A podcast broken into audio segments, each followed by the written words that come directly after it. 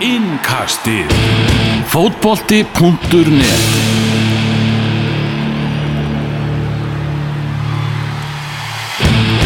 Innkvastið býður góðan daginn þessum fallega sunnudegi við erum hérna í næstum því betni útsendingu frá Ölveri í Glæsibæ þar sem að við erum að fylgjast með leik Arsenal og Manchester City 54 mínútur á klukkunni akkurat núna hver er í bæjarferð frá Vestmanneum jú, Daniel Geir Moritz velkomin á Ölver Takk fyrir. Svona flest innkvastin okkar hafa nú verið tekin upp hérna Já, í þessari þessu reikmetta hliðarherbergi hérna á, á Ölveri og fleiri innköst verða ekki tekin upp í sigtúni. Við tókum nú upp þó nokkuð þar. Já, þú ert búin að selja sigtúnið Nú erum maður farin segja upp leigusamningi í sigtúni og fluttir á einhverja eigu. Ég hlakka svo til að taka helgar heimsó til þín Já. til Vestmannaja Mhm. Þannig að við tökum, tökum innkastið frá Vestmannum Já, það er bara, Fyrsta innkastið frá Vestmannum, það verður tekið í vetur já, klárt mál. Það er klárt mál það er, Það er mikil vombrið, bara, eh, eh, þú veist, ekki bara fyrir mig, heldur líka fyrir hlustendur eða það er ekki, sko. Já, akkurat Aldrei að vita nema að þú myndir bjóða þessi svipaða rödd og, og Thomas Mayer gerði einu sinni eftir Eurovision party. Já, það er að tók viðtölinn Hún í tók Pepsi viðtölinn í Pepsi mörkunum Og hvað segir við, hvernig hérna, hvernig varst ánað með leikinn? Heimi Guðjóns að drepast úr látri sko.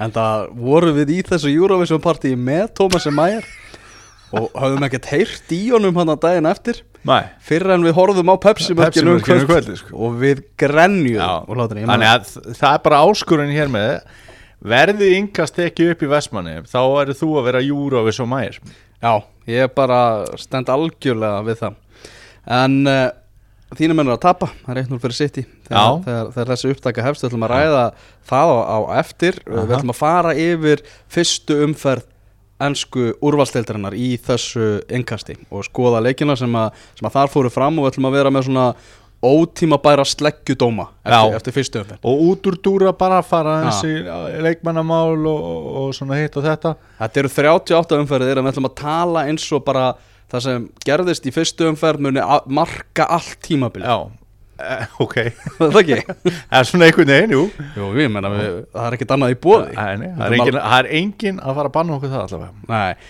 áður en við hefjum leik á því Þá er komið að ammælisbatni dagsins ég er, búin, ég er Mhm. Já. búin að velja það Hvert er ammælsbað dagsins? Ammælisbat dagsins á 28 ára ammæli í dag og fær sérstakar hamingjóskir frá yngastinu enda uppáhald þáttarins Super Mario Balotelli Ég skal segja, hann er 28 ára í Í dag alvöru, er þetta Já. ammælstaðan hans? Já, hann fættist 12. ágúst 1990 Shit, það er ekki ekki að maður Það er nefnilega alveg, alveg algjör snill Það er nefnilega að fyndið að segja frá því að þegar við vorum að skipulegja þáttinn þá sagði ég, Elvar, ert þú ekki svo með eitthvað svona balotelli hótt? Svo bara, herri, ekki nóg með það heldur að hafa hann bara afmæli, sko. Já Það er ekki ekki, sko. Hann fættist í, í Palermo á Ítalju á þessum degi fyrir 28 árum síðan uh, Til ham ekki með daginn, kallið minn. Þess maður geta, hvar er Balotelli í dag? Já, Uh, hann var ekki í leikmannahópi nýs þegar liðið tapaði fyrir uh, Reims í fyrstu umferð frönsku deildarinnar líka Já. í, í gær En það er nú þinn maður komið við stjórnvölinn hjá nýs já, Patrick Vieira einmitt. En hann sagði viðtali eftir leikin það var spurður út í Balotelli þá sagði hann það er nú bara þannig að Balotelli vill fara og ég vill bara hafa leikmenn sem að vilja taka þátt í þessu sem við erum að gera þetta þannig að hann er bara á förum frá okkur og félagið minn bara hjálpa honum að að finna nýja vinnuveitatur hann búið að vera að eh, búið að vera mikið orðan við endurkomu til Ítalju en hann er náttúrulega svona frekar vafasamur karakter sko og það er svona ég veit að allir með þess að fósetti Napoli var ekki hrifin að því að fá hann meðan stjórin vildi fá hann og, og Marseille í Fraklandi vildi fá hann Parma sem er komið aftur upp í Já. Serie A Já, þeir eru mættir aftur, fengu fyrst þarna einhver, einhver mínusteg, átt að byrja með mínusteg Einmitt. að búið að hætta við það mhm, en þeir vildu fá Balotelli Já. en síðan bara fengu þeir að sjá það hvað Balotelli er svona sirka með í laun og það ákveður að segja takk en nei takk og dró, Já. dróðu sig út úr því Já. þannig að það er mikil óvisa með, með eh, Balotelli Hvað- Það sem að, hérna, þ- það sem að þú segir og, veist, hann er náttúrulega ólíkind að tól og eitthvað svona það, sem er náttúrulega hárétt en það, það hefur ekkit alltaf verið klukkan hefur ekki alltaf slegið í gleði í Ítalíu þegar hann er þar Nei, Þú veist, hann er náttúrulega lent í bara miklum fordómum og alls konar ruggli og, og, og dó- dottið út úr ís, ítalska landsliðinu sem er náttúrulega líka honum að kenna og, og, og þar fram eftir kvötunum mættur aftur Hann er mættur aftur í landslið, já Já, en, en, þessi, þessi tími hans hjá Nýs var góð auðlýsing fyrir hann já, algjörlega en Hann það gaf sig- eru vombriðið samt ef hann fer til Ítalíu það er svolítið svona það sem ég er að reyna að segja sko. Hvert ættu að fá hann? Ég var bara til í að fá hann freka bara í eitthvað gott lið á Spáni eða það hefði náttúrulega verið gaman, það hefði náttúrulega verið frábært að fá hann í ennska boltan sko. Já, bara úlvarnir keiftu Balotelli í staðan fyrir Afóbi eða Ah. hvað sem skilur eða kannski svona fá hann í hvað mest óspennandi liði til að gera það mest spennandi, hvað er mest óspennandi lið en skúrastildana, Það er Huddersfield fá hann í höttasvíld Já, já, ég er til í það Nei, er þetta ekki samanlega? Er Jú. það ekki svona jú, þegar þú segir það bara, þá- Já, þá er ég- þá er ég alveg til í það Já. uh, sko, Cardiff er kannski ekki mjög spennandi lið en þeir eru Cardiff er með- rosalega óspennandi lið þeir eru hins vegar með landsliðsfyrirlega Já, nokkar já. og þeir eru með Warnock Já, já, já þannig að það Já. já. svona í- ítir þeim rosalega mikið upp. Herru, við ætlum að skoða þessa fyrstu umferð Mhm. í ennsku úrstældinu og við ætlum að byrja á Anfield, Já, leiknum sem var fyrir dag þar sem að Liverpool og West Ham áttust við. já, Uh, ég spáði þessu leik fyrir leik 4-1 já var eitthvað ofmeta West Ham greinilega því að hann Já. fór 4-0 leikurinn mhm. uh, maður sá það eða strax í byrjun að þetta myndi fara illa fyrir West Ham þeir voru að, að spila einhverja rangstöðu taktík Já, og það sem að þetta var svona voðalega mikið að dansa á línun og rangstöðutaktík með liði sem hefur sko farið í gegnum 700 breytingar á, á, í sumar þeir eru bara, þeir þurft að fara í nafnaleikin inn í klefa fyrir leik já, já og það er rosalega erfitt og þekkir Og í ekki, hálfleik líka bara já, þú þekkir ekki samherna en að, að spila þessa rangstöðutaktík þannig Nei. að það var svolítið það var, það var hætta á ferðum mm Mhm. burt séð eða frá kannski því, því hvernig Pellegrini lagði leikinu upp þá held ég bara að í gýrnu sem Leopold var í þá hefði liðið aldrei unnið Leopold Nei, þeir eru alltaf tapa, tapa þeir bara gæðin hjá Leopold eru bara það mikil já, já uh, 4-0 sigur Eh, Mane, hann er alveg klárið að vera aðal kallinn á þessu tímabili eftir að vera svolítið í skugganum á því síðasta Já, já, En ég eins og er, er, ég held að Sala verði aðalkallin og ég held að hann geti skorað meira heldur en hann gerði á síðasta tíma Sko, ef maður tekur bara eh, svona stæðstu staðrindirnar í þessu leik Leopold heldur hreinu Mhm. á útivill Mhm. Það er- það er rétt með þetta, nei þetta var heimavelli Heimavelli Já, fyrir Anfield. ekki Og hérna, Leopold heldur hreinu bara virkilega uh, gott og eitthvað, eitthvað sem maður er ekki í daglegt brauð uh, Sala, þrátt fyrir að hafa ekki verið maður þessa leiks, skorar Hmm. og það er að koma mörg annar staðar frá og þá þar á meðal frá Daniel Störrits Já, Störrett skoraði eftir 24 sekundur Já, Hann bara var skipting, Störrett sinn Já. 24 sekundur Já. setna var hann búin að skora Af því að Og- það hefur náttúrulega mikið verið kallað eftir því að hann fari að eh, sína sitt rétta andlit og þegar hann hefur verið og bara í haldast heill haldast heill og þegar hann hefur verið heill og, Klopp og einhvern veginn svona ætla- nefndi sig að þá það er þetta náttúrulega frábær leikmaður og, og fyrir Klopp, Klopp ætlaði að losa sig við hann en svo bara mætti hann einhvern veginn í prísísonið mm Mhm. -hmm. undirbúningstímabilið mætti bara þvílíkt á tánum, var flottur og náði einhvern veginn að sannfara kloppum herði, það er, ég, ge- ég get notað hann ég vetur, Æ, og já. hann skor í fyrsta leik líka Já, akkurat Æ, Ég það, meina, hvort heldur þú að hafi verið svona Já, eða bara á skalanum 1-10 Hversu mikið wake-up call er það fyrir þig sem góðan leikmann ef þú setið í hans spór að vera í, í þrótaliði Vestbrom á síðustu leiktíð sem leikmaður Liverpool Mm.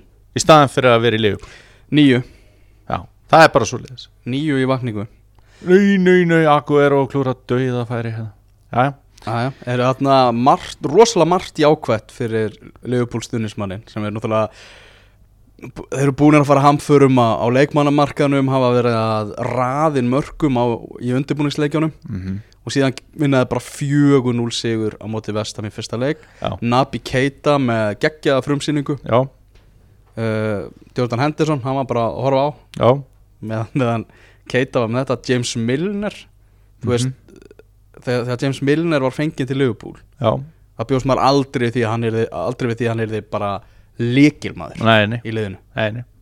maður held að hann myndi einhvern veginn svona fljóta með og Já, og það náttúrulega vantar einhverja einhverja bara, bara svona ekta leikmaður sem að sem að hérna öll lifar held ég til í að hafa mm ég meina, þú ert United maður var ekki til í að hafa James Milner í hóp skilur, þetta er bara svona þannig gæi ég var ekkit viss um það þegar Leopold keftan en Klopp veit meira en ég skilurðu. Já, e, þú veist, ef maður spá Já. bara í það í dag og hann náttúrulega er, er hérna fyrir um englandsmeistari og, Mm. og svo leiðis en hann er náttúrulega búin að spila rísa rullu í þessu liði Já, en uh, það eru tíðindu leiknir sem við erum að fylgjast með hérna, Arsenal og Manchester City, því að City var að komast í 2-0 meðan þetta er, er tekið upp og þú ert ekki hress á svipi núna Nei, þetta er bara eh, við kannski förum aðeins betur yfir þetta á eftir en þetta er annað mark það sem að Ódýrsmark Já, já, þetta er reynda betra mark en hitt sko, en þetta er annað markið í leiknum og annað markið sem að gerist þegar að komið er eh, sem sagt,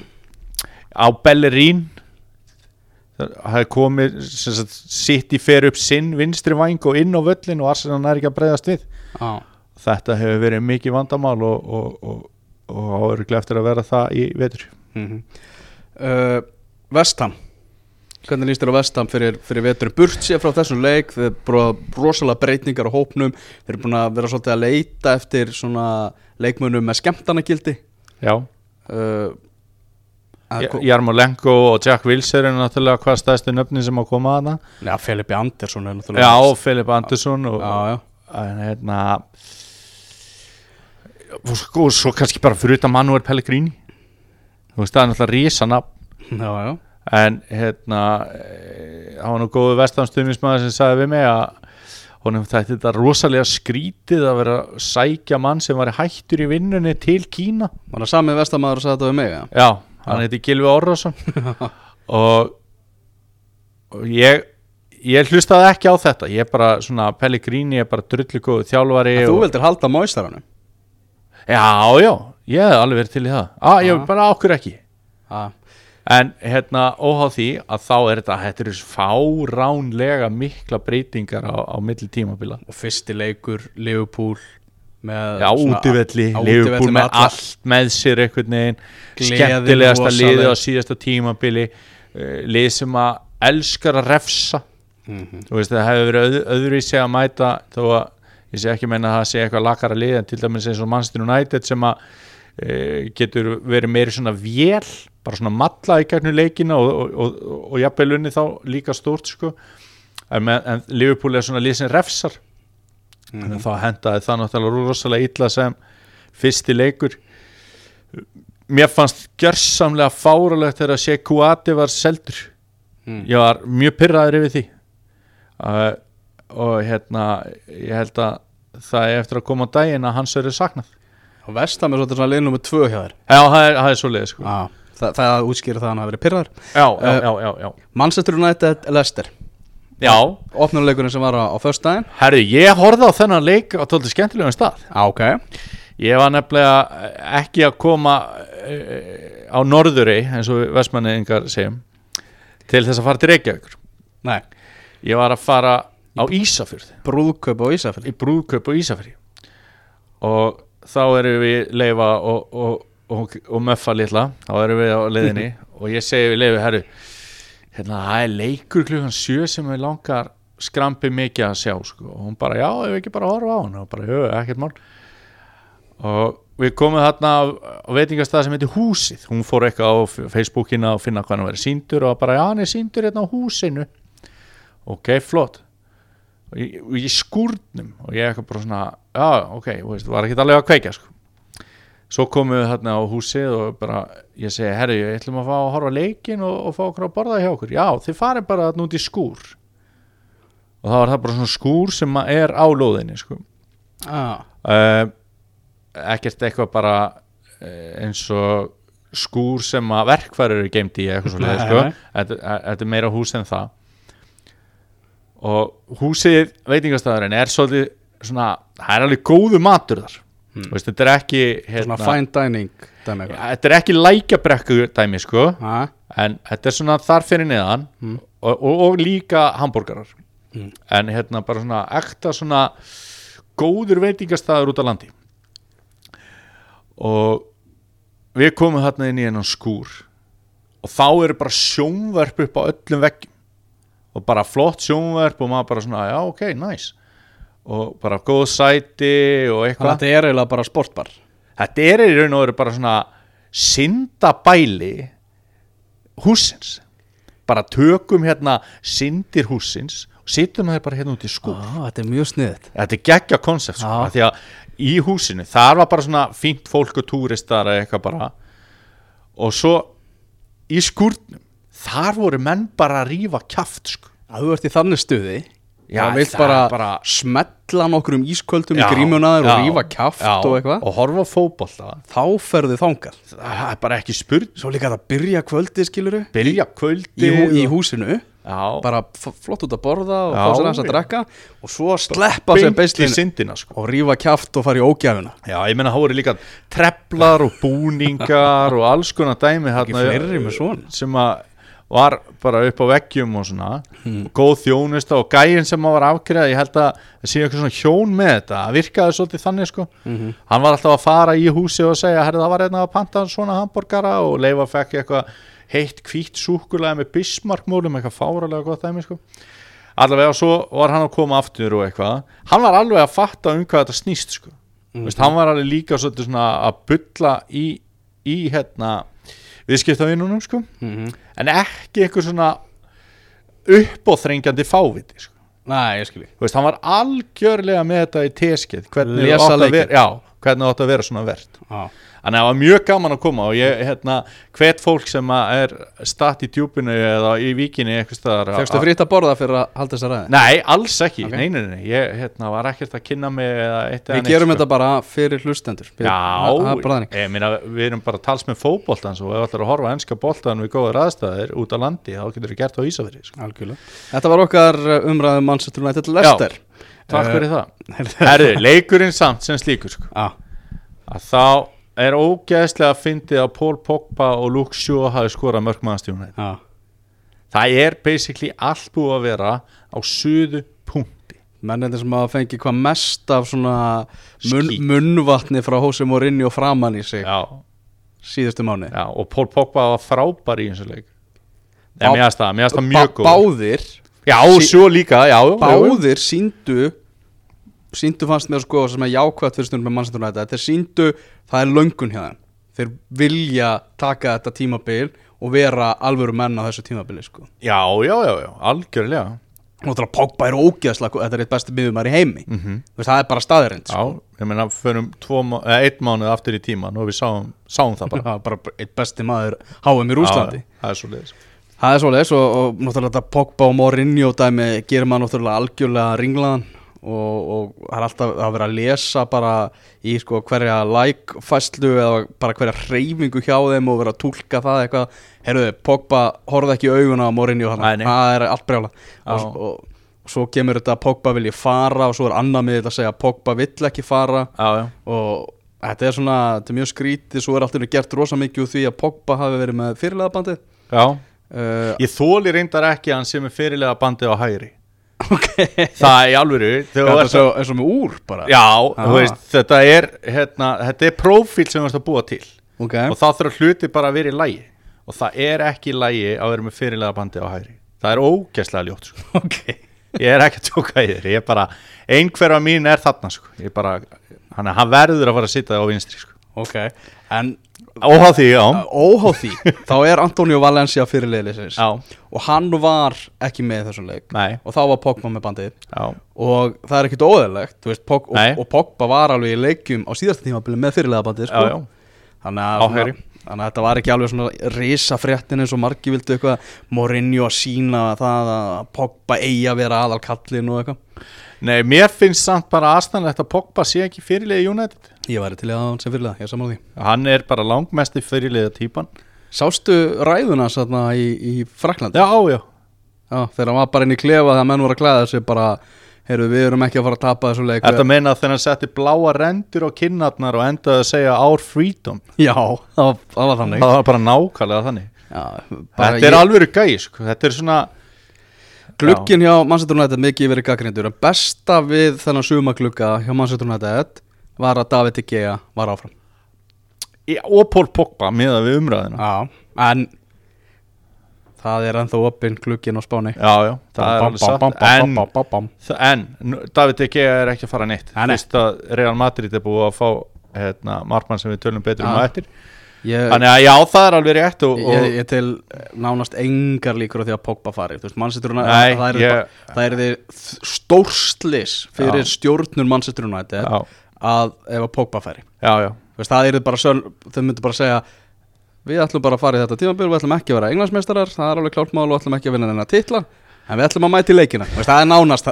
skilabóðin sem myndu senda herri, ég ætla með þið aftur í skúrin þar voru einhverju gæjar að tala saman og þá var verið að tala um ef Pogba færi til Barcelona og einhver sagði, há er allavega gott, hann færi pottit og meira en við keiftum hann og þá myndum við græða á honum ég held þú tapir alltaf á því ef að Pogba er ekki lengur í þínu liði Já, bara upp á allt þetta er bara þetta er stjarnan í liðinu þetta er bara, stjar, þetta, þetta er bara það er ekki svona það er ekki það margi kallar í fótballta heiminum eins og Pogba sem selja fleiri treyjur uh, vekja jafnmikli aðtikli á leiknum og hann hann er með rosalega svona áru í kringu sig. þú Hann getur er sagt það. ímislegt ljótt um Pogba og, og, og allt það og, og svona margir stuðnismenn annar að liða bara þú veist þeir svona nærast svolítið á því þegar að honum gengur ítla já, já. en það er eitthvað við hann okkur sko. það er eitthvað við hann okkur já, það er bara er einfallega það að hann er eitt besti miðumar heimi Já, og er eitthvað þegar svona hann er með svona stjörnu típuna já, algjörlega upp- já, upp, með upp á tíu hérna, hárið og, og veist, allt þetta Já, já, og samfélagsmiðla og, og dansandi hress og eitthvað svona sko akkurat, grínast í klefanum og akkurat. allt það en, þe- en ég En hérna framistaðan, hefur United United fær bara 5 í einhvern í þessu leik Fimm í einhver já, þeir stóðust prófið Já. og ekkert meira en það Nei. uh, Lester var mjög óheppið að fá ekki eitthvað út úr þessu leik Mm. og uh, þeir voru á mörgu eh, bara á mörgu leiti betri aðilinn í fyrirháleik þeir voru það samt ekki að þeir voru undir en þeir áttu helling í fyrirháleik og voru að taka sín færi og De Gea var með alveg stjörnu vörslur hann varði fleiri, miklu fleiri skot í þessum leik enn á HM Mm. Hvernig fannst þið Fred? mér fannst draga verulega af honum Hann var svolítið svona hann var mjög góður í fyrirháleik fannst mér Hann og svolítið sjást á honum Þetta var hans fyrsti leikur í ennsku úrvarsleitri Hann var, já, svona, að, þú veist, já, já, já, hann, var, einmitt hann var aðeins að- að að- að læra á Já, aðstæður og var stundu svona lengja þessu Já, En ég, ég held að þetta sé spennandi leikmaður fyrir United, er það ekki? Þú ert nú United maður, líst þér ekki bara ákveðla á hana?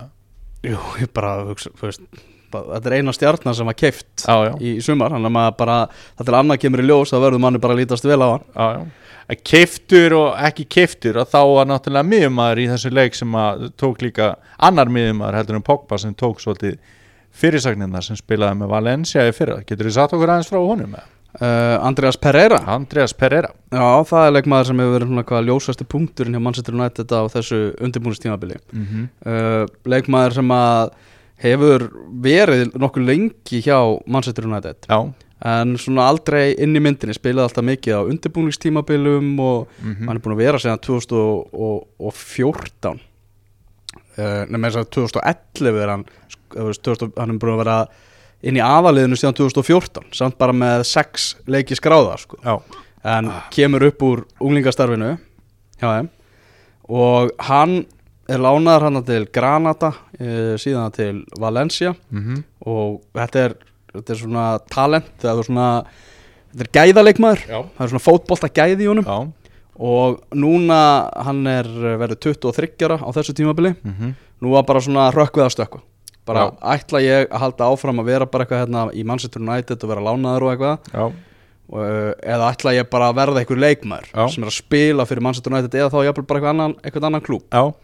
og það var eiginlega svona Manchester United veit af þessu hann svona umbóðsmaður bara létt vita, þú veist, þetta er hugsunin hjá honum Eðlilega já, já, eðlilega en ég er ekki að segja að það gera það verkum að morinni og spilunum, morinni og spilarunum meðal hans vegna þess að glukkin var þetta misefnaður hjá Manchester United Já. og líka bara vegna þess að hann hefur staðið sig Já og það Stóð sér vel í þessum leik og það verður fróðilegt að sjá hvernig hann svona næra að halda uppteknum hætti hvort hann nái bara að vera áframhaldandi byrjunleismæður hjá þeim Já, og, en sumaklukki náttúrulega reikalega misamnaður og þá kemur umræðan um það að Manchester United þurfa að færa sig yfir í nútímarinn að gæsalappa og ráða yfirmann íþróttamála Já. og það hefist komið bara algjörlega það er það sem hefur verið að ræða um á skrifstofu Manchester United bara allan daginn Já, það, Eh, þessa stundina vegna þess að það er náttúrulega búið að vera uh, náttúrulega bara Woodward sem er framkvæmtastjóri sem er búin að sjá um kaupin og það gekk ekki vel þarna uh,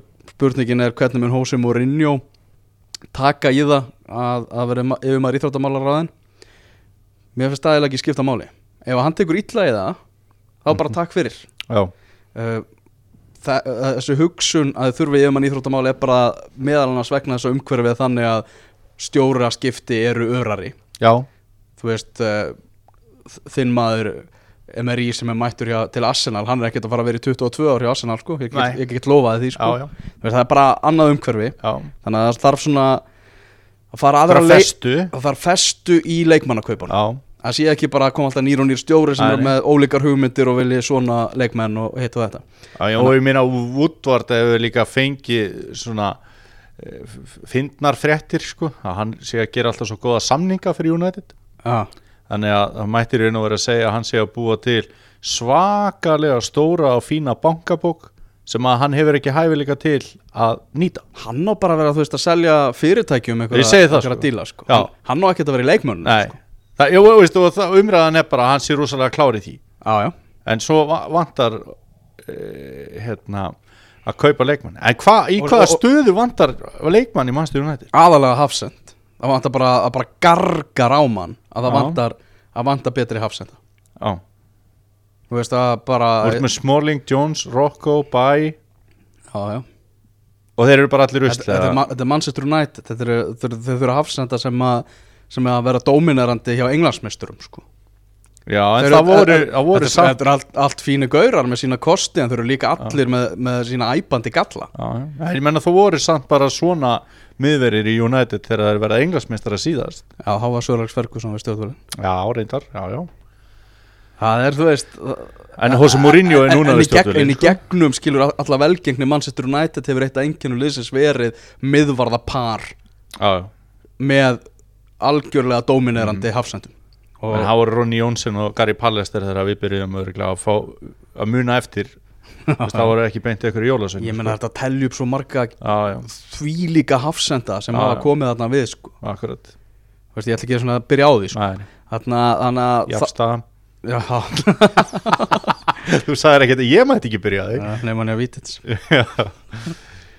Herri, nei, ok Laurent Blanc já, þetta var svo þarna, Þannig að þú ert í raun og verið að segja það var rosalega, voru rosalega mikil vonbrið að Manchester United skildi ekki kaupa Harry Maguire í sumar já, þú veist, ég veit ekki hvort það er bara hvað þessi lausnin, það er allavega eitthvað skilur þú veist, þetta er að, þetta var, Hann átti ekki sinn besta leik á móti United Þetta var allavega, þetta var, þetta var vond og það voru fróðlegt að sjá svona framhaldið á mannsættunætt og svo líka náttúrulega með yfirmann íþróttamála það er líka öll þessi neikvæða umræða sem er í gangi hvað segir hún var það, þú, veist, þú sem leikmaður viltu spila fyrir Hósa Mourinho þú veist svona, þú hlýtur að hugsa aðeins tvisvar um sko Já, ég meina hann er kortir í geðveiki með að hvernig hann er að hafa sér í fjölmir Já, já Hann, er, e, hann er ekki með svona sama, þú veist, fyrir nokkrum árum síðan eða f- þá var, Nei. þá var maður ofta að lesa, þú veist, það var draumur að spila fyrir Mourinho Já. Þú veist, hann er ekki lengur með það, Mæni. það, það er bara þannig uh, En með gestina að, að, hérna, í lestir Já, Það kom mér á óvart að þeir skildi ekki fara í stjóraskipti í sumar heyrðu það, er st- hann verður fyrstu til að fara Ég held það Það eru strax konar sögur Já, Bara- þetta kom mér mjög á óvart sko. Það verður að tala um Thierry Henry Það er bara eftir fyrstu umferð Já. verður orða, orða Thierry Henry við lestir Já, þetta er einhvern veginn sko e, Lester er svona e, Jú, jú, þeir missa Mares fyrir fullt af peningum en þeir hefðu getað mist fleiri leikmenn og þú veist, jú, svo voru bara að losa sig við skilur, ég veit að það fóru fleiri eins og Slimani og eitthvað svona en þeir voru líka a- að styrkja sig og allt það og byrjunarliðið sem að Lester stilti upp á mótið í Master United var fínt Mhm. og Ka- Kasper Schmeichel átti nokkrar sturlaðar vöslur í þessu leiks sérstaklega þarna þegar hann varði hjá Lukaku Já. það, það var ótrúlegt sko. James Madison er mjög spennandi Mö- leikmaður mjög spennandi og, og, og þannig en þetta var ekta svona Shakespeare og látið fara og það vantaði eitthvað svona jæja strákar, ef við ekki bara muna það hvað er gaman að vera í fótbolta Mhm. þeir vita það alveg núna sko. og þá er ekki þörf á þannig stjóra Nei. þannig að ég held að þetta Púel e, bett þeirra fyrir þetta tímabil minni kosta þá Mhm. Lítum á aðra leiki sem að voru í þessari fyrstu umferð sáðandun og börnleiki eru markarust jafntefli við skulum bara ekki ræða þann leik Nei og ég raun og veru heldur að börnleiki að þetta verið í fallbaróði Nei, Nei, Benni Bóas var eitthvað að að tala um það nei, nei, nei. en fekk þau svar, svör frá Hrafkeli frá Ágúsinni sem er mikill börnlegi sérfræðingur og, og stuðnismæður Á, á Twitter að, að börnlegi væri bara einfallega allt of skipulegt lið til, Já, að- til að geta já. verið að lendi því versinni sko. algjörlega sko en getur dýrlingarnir, sáðandun Já, já Það meiri líkur því. þeir- Þeir gætu farið í, í fallbaróttu sko mm. en hérna b- b- það er frekar ef maður spáir bara í eh, þetta Excel skjál sko sem að eh, við erum alltaf að ímynda okkur að stjóra séu með í hausnum fyrir tímabil Mm. og það leifur Garðarsson var alltaf með XR sko. Já, eða bara hvað það er ah. að hérna þá er þetta mikið betur úslit fyrir börnlega heldur en sáðantón ok að því að þetta er á heimavelli bara, þú veist ég bara horfa, út- horfa á það mm Mhm. -hmm. jafntefli og útivelli er alltaf fínt fyrir liðin svo börnulegi mm en e, þeir fengu mjög efnilegan miðverð frá Middlesbró hann Gibson Mhm. sem að var búið að vera að reyna að fá í einhver tíma og einhver, þetta er ekki fyrstu sumaklukkin sem hefur verið bankað í hann Mhm. og voru samt með Ben Mee og Tarkovski á síðasta tímabili sem voru báði frábærir þannig að núna eru við konum með einhver svona breytt Talandum um að fá Hafsend, þá er Sáðandum búin að fá Jannik Vestergaard sem Já. ég held að sé bara verið nöðslegt að fá svona Hafsend mm -hmm. svona til að styrkja á sér það veit uh, Jóhann Berga og náttúrulega eftir að vera í stóru hlutarki og hann dæs var ósáttur við gluggan hjá sínum mönnum sko. hann er náttúrulega er að fara inn í Evrópukefni Það er leikja álag það er leikja álag og það var mjög takmarkað Ef við komast inn í Evropakefna Við þurfum að Hvað er fór ekki 0-0 fyrir leikurinn Jú, Já E- e- Máttu leið frá Istanbúl eða ekki Það er greitt að menn ég bara er ekki alveg með það á hreinu Þá skulum- þeir allavega, þeir Jú, stóðu út Celtic Istanbúl Baseksýr Já, sem að eh, endaði 0-0 fyrirleikurinn í Istanbul uh,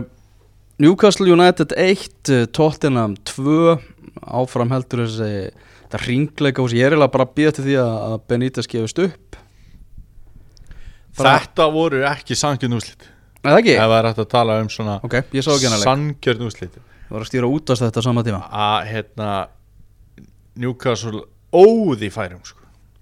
ok, og en þá er þetta bara ótrúlega stert hjá Tottenham að fara á norður og, og taka það, þrjú stig það, er, það, það var það sem ég ætlaði að koma Já. inn á sko. að miða við bara ef að var, e, ef að var lélögu klukki hjá einhverju liði þá var það hjá tóttinum Mm, því að þeir settu met þeir keftu engan, já. zero Mhm. þeir fara hann í norðrið á móti Benítez bara, eh, ef það er eitthvað snillingur í axelskjálunum skilur og þeir bara fara heim með þrjú stig Já. Þannig að fyrstu tveir leikirnir í mótinu fyrir mína parta sem að voru Manchester United Leicester og svo Newcastle Tottenham voru jafntefnisleikir sem annar lið uh, vann Þetta voru ótrúlega jafni leikir en það var eitthvað svona lukka með stærri liðin, stærri liðin í báðum tilfellum sko. Já.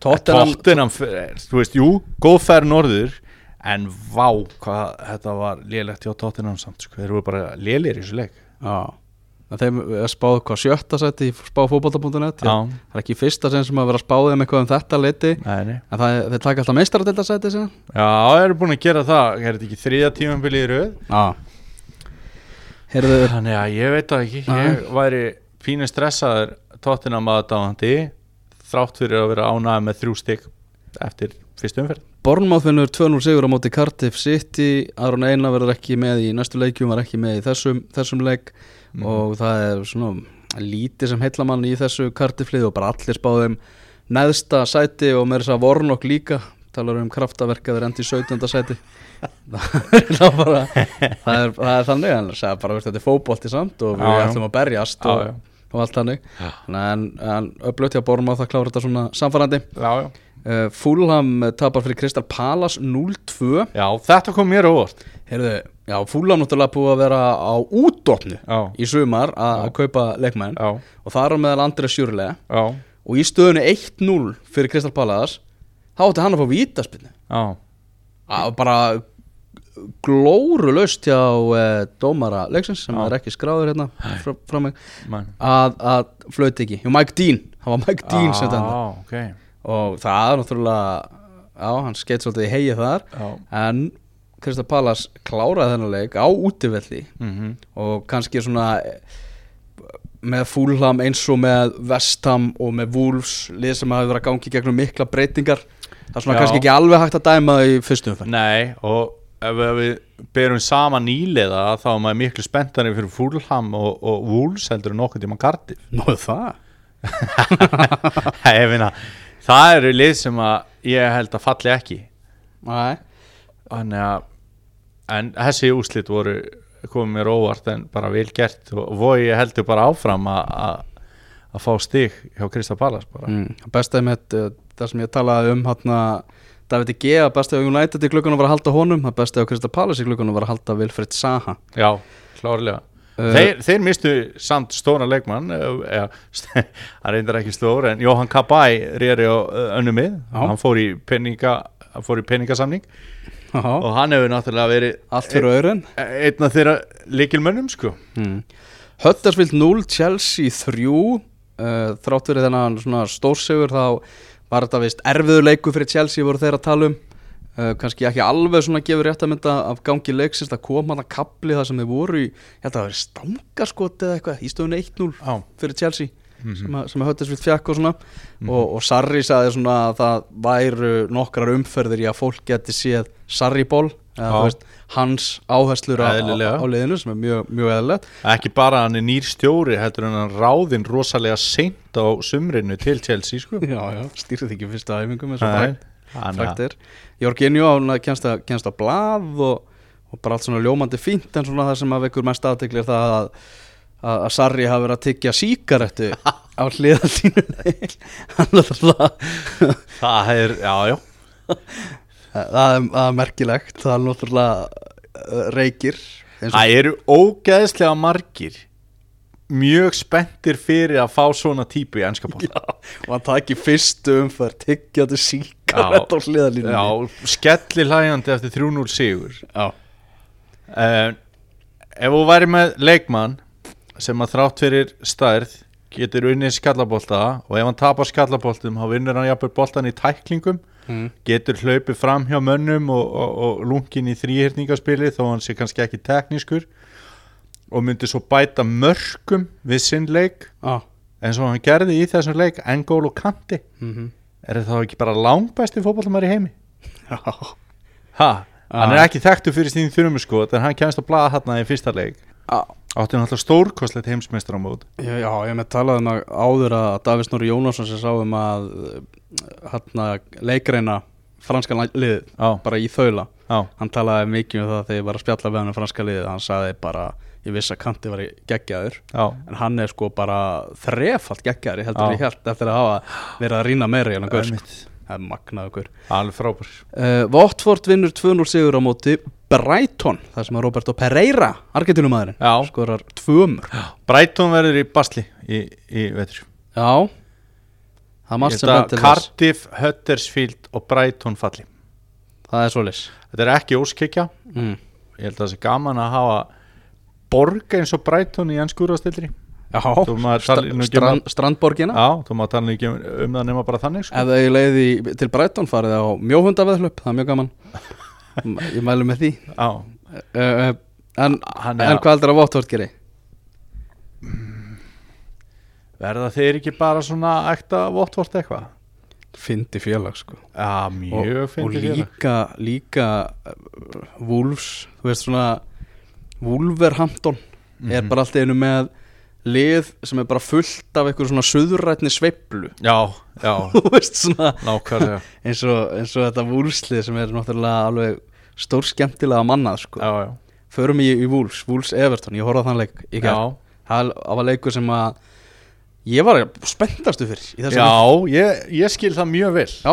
ég hérna gatt því mér ekki að horta á hann Nuno hérna, mættu með, með Ulfa hjörðina sína já, í efstu deild Já. þeir eru náttúrulega með alla þessa nýju gaura, Ruben Neves sem að var bara allt og stór fyrir Championship Moutinho, mættur hérna Rui Patricio í, í markinu Raúl Jiménez frammi uh, Einmitt. það er bara fárlegt að þessi leik með Wolves sko já og nýliða bara ég, já, já, Já, og, og svo náttúrulega mættur uh, Marko Silva með Everton, Gilvi komin í tíuna í hólunni, Richard Leeson já uh, með tvennu.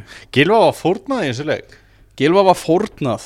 Já, Hvað finnst þér um það? Hvernig, hvernig lesti stuðu Gilva eftir að vera fórnað í þessu? Ég held að segja sko, ég, það sem ég les í, í stöðu hans já, er það að Marko Silva þekkir Gilvi ekki nægilega vel.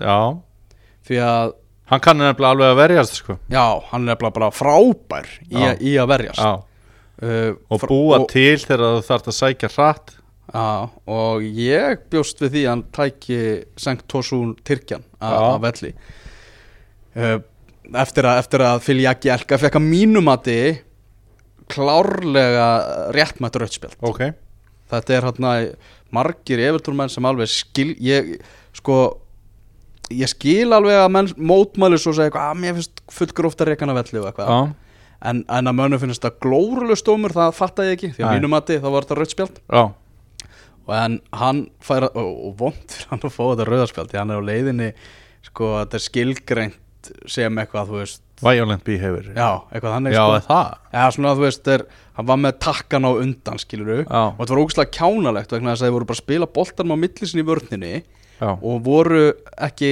neitt að, hann þú veist, það var engin hætta á ferðum næ, nema Jaki Elka tekur eitthvað illa á móti boltanum og missar hann og langt frá sér Mhm. og þar kemur bara, hann vúlsmaður í árásina mhm, og þá bara kemur hann og allar að tækla í boltan mhm en fer, fer með takkan á undan sér og Já. með, með útréttan fótinn og allt þannig Já. þannig að það var ekkert í gangi skyndilega er Phil Jark- Jaki Elka kom með rautspjald, mm Mhm. -hmm. Vúls fær aukarspilnu og skorar úr aukarspilnu og, gilvi, og þá er búið að taka Gilva út af Mhm. og hérna þú veist það alveg svakaleg atbyrðarás já. og, og Phil Jaki Elka er á leiðinu held í þryggja leikja bann held ég Ok, en við skulum bara muna hvað Everton gerði í glugganum núna Já. svo þeir ke- sérstaklega keyptu- síðasta daginn keyptu Jarri mína fengu Kurt Zuma Mhm. þú veist, Jaki Elka var bara að kveðja hann í Já. fyrstum umfærum með þessu rauða Eru spjaldi, með, sko. eru með kín Já, er, sem var við hliðin á Jaki Elka í Mhm. þessum leik Þannig að þetta var, þetta var rosaleg, rosaleg atbyrðar á sig Mhm. og þessi leikur stó algjörlega undir mínum vendingum Já, fyrir utan að ég hefði viljað hafa gilva Já, lengur, já, já, já, lengur, eðlilega, lengur já, inn já. á sem Tosun áttir enda sendingun held ég á Richard Leeson í öðru markinu já en Já, ég meina þetta er ekki þetta er ekki vombriði fyrir þig að því að dómar, nei, hérna, þjálfarinn var að gera eitthvað vittlust þetta er frekar vombriði fyrir þig að því að þú heldur mig gilva já, Þú veist, þetta reynist góð ákvörun hjá honum en, Nei, akkur ég, er- Ah, bara, ég, ég, ég held ekki bara að punktur og útivelli ég og, held að ég geta unnið þetta með gilva og, það er alveg svo leiðis Já. ok, ég held að það eru meira líkur að unnið þetta með gilvina ok, ég held að bara já, með bara hans bitnu tækni þegar fá först leikadriði og þú veist taka, maður bara svo, taka Sankt Túsun út af Mhm. láta bara Richard Leeson og Tío Volkot fara meira miðsvæðis já, Þú veist, mér fannst það einhvern veginn svona liggja augljóst við í stöðunni og Mhm. ég held að og einhvern veginn þegar þú er 10 mot 11 þá, þá breytist gilfi me, í enn meiri varnamann já Þa- og það held ég að Marko Silva hafi bara ekki vitað Nei, já, Ég- ég ætla- mjög- ég bara fýtt punktur ég ætla bara að segja það En mér- en, en, en leikurinn sem slíkur stóð algjörlega undir vendingu um Richard Leeson náttúrulega sem að verið bara nenn að spila fótbolta þegar Marko Silva er að þjálfa hann já, uh, með, með náttúrulega tvö mörg og þvílíka frumsýningu Mhm. uh, og svo setur Ruben Neves þetta, þetta aukasputnumark Mhm. og, og allt hannig Rui Patricio nummer 11 í markinu mhm þannig að það var, ég, það var gaman að, að, að svona horfa á hann leik hann, Mina, sem kemur þarna frá Barcelona Mm. hefur valið hann í- í lið mótsins á HM Hann, Hann hefði allavega komið til greina er það Já, ekki? já, alveg klálega En Hann var að skora og já og, og veist, hann er bara eins og bara pappi með krökkum út í gardi sko. en hann Í er, fótbolta. en Það er alveg ástæða fyrir því að Barcelona er að losa sig við hann sko. Já, Þetta er ekki einn fullkomni varnamaður nei Hann hefur náttúrulega líka ekki fengið eitthvað stórt breyk hjá þeim Nei, en ég skal lofa þér því að þeir eru búnir að skoða hann það í þaula að þeir vita alveg hver eru gallar hann sko. Já, Þeir eru ekki bara, að hann fekk engin tækifæri, látum að bara fara samt Nei. Þrátt fyrir að hann hafi verið frábæra HM og eitthvað Mhm. Ég held að sé alveg æpir ámann að hann er óskinsamur í varnarleiknum já, Þú veist, það er mitt í staðsetningum og, og öðru slíku sko. Já, Ég held að, þú veist að, ég hef ekki séð nægilega marga leiki með honum nei einhvern veginn til að dæma en, en það er einhvern veginn öll umræða sem bendir þess Sko, mér datt bara í huga að hann væri ekki með þetta sem að, þú veist, svona nútíma varnamenn, þú veist, eins og það var mikið talað um Harry Maguire eftir HM og hann var orðaður á fullta pening af því að hann er góður að sparki fótbolta ah, og, veist, og, og við sem séð hvernig varnamenn hérna, Guardiola vill kaupa og svo erum við með dæmi bara eins og PK og Ramos og og, þú veist, og við viljum fara út í John Terry og eitthvað, þú veist, einhverjum sem er bara góðir í þessu, mér datt kannski í huga að Barcelona væri að losa sig við hann bara út að hann er ekki með það Mhm. sko, við skulum þarna, já, ég er ekki búin að rýna mikið í þetta sko Nei, en, en, en, en, bara- ég genga því einhvern veginn vísu að en- það Já, einmitt En þa það er líka ekkert sem segir að það sé snjallræði að veðja á HM-stjörnur Við er, höfum- nei, við höfum mýmörg dæmi um það nei, nei, en ég meina Og- og þegar Hérna ég margir Liverpool-menn voru, voru að hlusta á mig segja þetta og hugsa upp bara Diouf og Salif Dia og eitthvað svona að að mér fannst meira einhvern veginn þegar Jari mínum var fenginn að ef- að, að, að fótballt á að fólk væri eitthvað ok, þetta er geggja gilver að fara að leggja svo mikið upp á hann Já, að eins og Jari mínu var meiri styrku fyrir Everton sóknarlega heldur en varnarlega sko. og menn svolítið að tala um það Já, ok. að, að, þetta, að þetta væri merkið þess að Everton getur verið skemmtilegasta lið tímabilsins já, vegna þess að þetta yrði bara opið varnarlega en alltaf gera sóknarlega sko. já, já, já. það, var, það var einhvern veginn svona umræða Já, en, en Everton náttúrulega spilar ekki þannig fótbolta að þeir vilja endilega að, að varnamaðurinn sé bara fullt með boltan Nei, nei. þeir eru náttúrulega fyrir það fyrsta með þannig bakverði þeir, vilja, al, þeir, þeir hata ekkert að bakverðinni þeirra fái boltan en það ráða þeir algjörlega við það og þannig að ég, ég, ég hef mikla trú á þessu og mér finnst líka þú veist, Kurt Zuma þú veist, hann, hann var að koma þarna upp hjá Chelsea á slá John Terry út úr liðinu þú veist, þegar einhver byrjar að svona rýna í söguna, bara já, býtu hvenær fór að- að að hallundan fæti hjá John Terry, maður sjá já, það er hérna frakki, Kurt Zuma sem er að, þú veist, það, það var hann Mhm. ég vona að hann fara að sína fyrir styrk, sko Það hann væri alltaf skemmtilegt. meittist hann lendi í ógeðslega umeiðslum og ná, var ekki svipurinn eða sjón hjá stók minna við það sem maður hefði séð, hafði séð til hans áður Mhm. þannig að Mína og Kurt Zuma þetta er ógeðslega spennandi miðvarapar Mhm. það er alveg rétt sko Herðu leikar lokið Stórleik uh, helgarinnar Arsenal 0, Manchester City 2 Ræm Störling og Bernardo Silva með mörkin já, Uh, ég er að skoða hérna svona uh, skýslu sem að Mirror er að gefa eftir, eftir þennan leik já, og þar er verið að tala um að og þar er svona Unai Emery að geta fá neitt neina fallengun að segja svona að sé ímislegt sem að hafi sérst í leikstíl Arsenal sem að ætti að gera að verkum að stundum sem Arsenal ætti að vera spenntir fyrir Já. svona þróunni Náttúrulega hann er ekki dæmdur á þessum fyrsta leik sérstaklega þegar þú ert að keppa á móti rútiniröður liði Manchester City sem gerði lítið á leikmannamarkaðanum hann heldur hann að fá Riyad Mahrez já, já uh, að- líka talaði eins um svona Ríad Mares að hafi, sé- hann hafi svona skort hraða miða við samherja sína í, í þessum leik já, uh, hafi svona aðeins verið ekki í, í sama takti sko uh, hverjar eru þínar vonir og væntingar í- til Arsenal á þessu tímabili og uh, bara Unai Emery, nýja, nýja stjórans það er að taka þrefald ok það er bara stutt á svari sko ah. herri, mínar væntingar eru bara e, meistaradeildasæti fyrst og síðast mm það er svo leis og kannski sjá liðið já, einmitt fara að sjá handbræðans leik frá leik já, bara svona eftir þess að líður á mótið þið eru að, að taka einn stig og svona þá sér þróunina á liðinu Já, bara að því að við töluðum um Tottenham og, og hérna e, Liverpool áðan Mm. að þá er mikið búið að láta með þeirra stjóra það er að segja Positino og Jörgen Klopp og allir að sjá þú veist, að línan þar eh, þessi árangurslína hún er bara upp á við tímabil eftir tímabil er hún upp á við og skemmtana skemmtana gildi og allt Já. þeir hafa ekki unni raskat Nei, það er svo leiðis já, Morinju og duglur að benda á það já, að öll þessi jákvæð umræð um þessi tvöli en já, eins og hann sagði sjálfur að tala um þau eins og séu raðsiguverar en já, þeir hafa bara ekki þeir unni hafa neitt þeir hafa ekki unnið raskat Nei, það er staðrind það er bara staðarinn og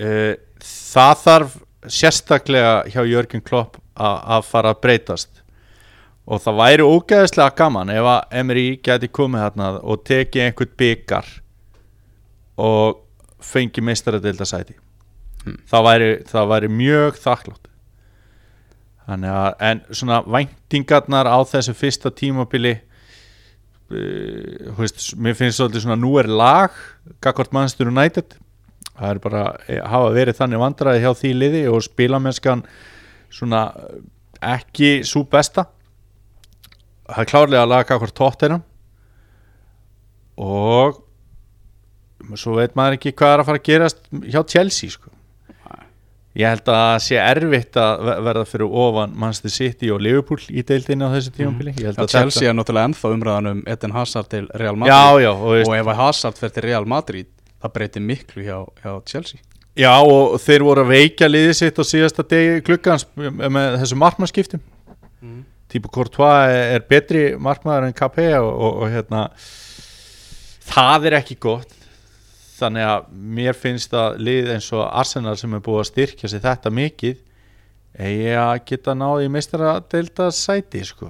en þín spá, þú vonast eftir því að Arsenal tækir það top Já. fjórir, Daniel Gilmorrits, gjörðu svo vel Fuck, sko meistari, fyrsta sæti Fyrsta sæti er Manchester City, þetta er bara svona leiðilegasta svarið sko. já, og Liverpool annars sæti Nei, ég Ha? ætla að segja eh, ég held að hérna, Manchester United er í öðru seti já,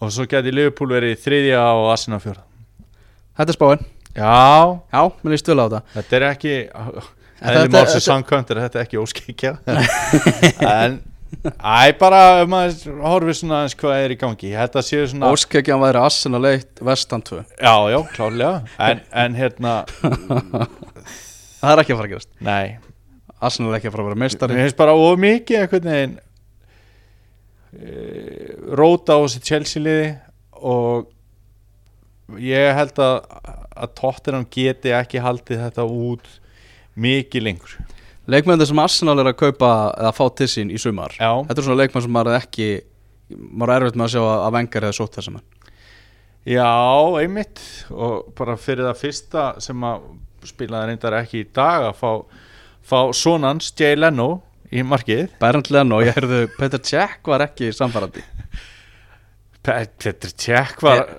Nei, hann var náttúrulega næstu búin að sparka boltanum í eigimark sko. Eh, hann er ekki að fara að vera hann var- aðalmarkmaður Arsenal sko- mikið lengur ég bara, Nei ég, ég held ég að Mörk, jú, þú, þú saðir þetta svolítið svona, þannig að ef að einhver ef að einhver hérna er ekki búin að sjá mörkin úr leiknum gæ- þá gæti hann haldið að mörkin hafi verið honum að kenna það var ekki hann en, hann var bara en órugur í góður, en löpunum og, bara markmaður samt í dúndu formi hefði kannski getað komið í veg fyrir annamarkið Já. eða fyr, já, sérstaklega fyrir markið mm -hmm.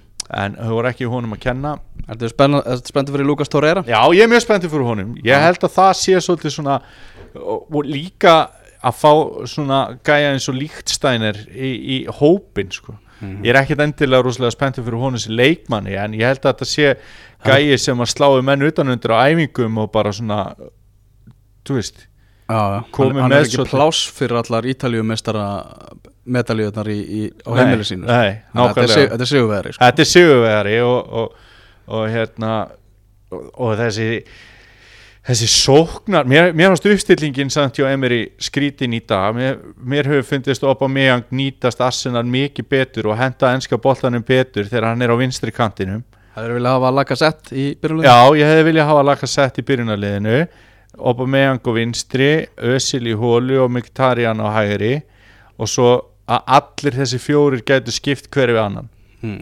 og vera þá með, með hérna e, Torreira á miðinni og allir að, er þið þá ekki að fyrst að þetta er komið svona mikil sóknaþungi að, að vera granit Sjaka við hliðin á honum Mm. Sjaka var lélugur í þessum leik líka þá veist hann var að snúa inn í menn og missa boltan eitthvað sem Asena menn eru orðnir mjög þreyttir á að sjá Á, uh, en það er spurning hvernig hann á eftir að spila þegar að, hérna, hann er búinn að fá þennan mann við hliðin á sér Sjaka átti gott HM f- fínt HM Hann er bara allt annað maður þegar hann spilar með landsliðinu heldur en heldur en Arsenal Já og líka bara var allt annar maður eiginlega að mörgu leiti þegar hann spilaði í Tískalandi heldur en fyrir Arsenal, Já. þú veist það er ekki eins og hann hafi aldrei verið góður á félagslið Nei, nei annars væri hann ekki komin í ennsku úrastildina á, Ég hef maður stilli væntingur sín með hófskilur ég, maður er svona eh, býst við fjórða sæti mm og hérna, Býst við fjórasæti Já. Það er á, það er svolítið þannig Já, þau eru vanir fjórðarsættinu Það er búið að vera alls konar spár í gangi Þú ætlar að koma með óvenjulega spá núna Daniel Já, Það er spáð þín hvernig lið ásins Já. verður Hverjir mu- verða bestir á þessu Já. tímabili ég ætla sem sagt að velja lið ásins Já, og ekki setna vætna þetta er þetta er ekki þetta er, þetta er blanda þetta er blanda af því sem að he, ég myndi telja almenningsálitið velja mm -hmm. og svona hvað mér finnst og svo ætlum við að skoða það kannski í vor hverjir komist í lið ársins sem að voru í liði ársins 12. ágúst Algjörlega Þitt er sviðið, kynnt okkur Herri, þína í spá marki það er alltaf ég að hafa David Dekja hann verður markmaður þessa liðs uh, byrjaði þetta tímabil vel og hefur náttúrulega bara verið besti markmaður uh, ennskúrasteldarinnar heilt yfir síðust ár vinstri bakurður ég ætla sem sagt að spila 4-3-3 vinstri bakurður verður uh, Marcos Alonso sem að hérna, byrjaði þetta tímabil líka vel Chelsea kall og eh, hægri bakverður verður Kyle Walker hann hérna er bara m- mögulega besti hægri bakverður í heimi mm Ég er spenntur fyrir hafsendunum Hafsendar eru Virgil van Dijk Já ég ætla að spá því að hann veri í liði ásins Kvittundi það og svo var mjög erfitt að setja við hliðin á honum sko. mér náttúrulega langa bara að setja eitt mann þar sem er Harry Maguire ég held hins vegar að, að þetta púel fjör verður til þess að hann verði ekki þar Já, og ég ætla að spá því að við hefum eftir að sjá John Stones stíga vel upp á þessu tímanbili ok og koma þarna inn og bara tryggja sér svolítið þess, þessa miðvarastöðu eh, Niklas Otamendi var skrítin á síðasta tímabili hann var eiginlega besti leikmar í heimi svona eh, fyrstu sex nei, eh, eh, eða svona fyrstu fjóra mánuði tímabilsins Já. mörk í honum og frábæri varnarlega svo fór að- að að svona fjara undan því og, og, og það fjaraði svo mikið undan því að hann átti ömulegt háum mm -hmm. Þannig að ég held að Stones er eftir að koma hæðin Þryggja manna miðja Já, Þar er svona sóparinn, það er Engolo Kanti já Og sikkur megin við hann eru Kevin De Bruyne og, og, og Paul Pogba Pogba í lið ásins Já, klárt Frammi ætla ég að hafa Sergio Aguero Já. Hann er upp á topp Ertu á móti- ertu á móti því? Viltu, viltu, viltu sjá Kane? Nei, nei, Akku eru Já Hægra megin er Mo Salah Og vinstra megin er Eden Hazard Ef að þessi spáðin rætist og þetta verður nákvæmlega svona lið tímabilsins Já. þá verður deildin ógeðslega jöfn Já, Úr það að þetta er svona blanda frá öllum liðum sko Venlega lið ásins skiluru með fimm frá englandsmeisturunum eða eitthvað þannig sko Þannig að já, já ég vona að þetta rætist Já. því að þá verðum við bara í einhverju blúsandi kollruglaðri topparáttu Já, já og það er ég svo sannlega til, til í Mhm. sérstaklega það sem að Pepsi-deltin er svo leiðileg um þessa myndir Það er samt alveg, eh, já, hún var náttúrulega sérstaklega síðastu umferð en það er eftir samt með og tímabilið bara búið að vera rosa mikið af, af fáum leikjum með fáum mörgum en þú ert samt með spennandi toparöðu já já, gaman að leðilegt að horfa á leikina en gaman að horfa á hvað spennan Já, ekki í, í gaman að töfl- horfa á töflur. töfluna Ef allir- Jú, þetta er geggju tabla maður Ef allir Ég leik- nenni reyndar ekki á völlin En þetta er frábær tabla Ef allir, leik, ef allir leikir í Pepsi-deltinu myndi enda 0-0 Já, Paldi í spennunni sem væri í í deltinu lokaumferðinni Heyrðu, Daniel Við, við eh, bara munum í hvert skipti sem, að, sem að við verum í námönda og hvort annað þá hendum við yngast, við erum ennþá að leita að lausnum líka til að, Já, ég held samt að þessi komið löst að komi lausn Ég og nafni minn Rúnason, við vorum að- að að, hérna erum líklega búin að lesa þetta það var tekin pröfa í vikunni þannig að ég myndi búast við yngasti eftir aðra umferð Ok, ég er til í það, ég fagna því Daniel, afskaplega gaman að vera með þér og ég segi Sömuleiðis. bara góða siglingu með herjólfið á eftir Já, takk fyrir það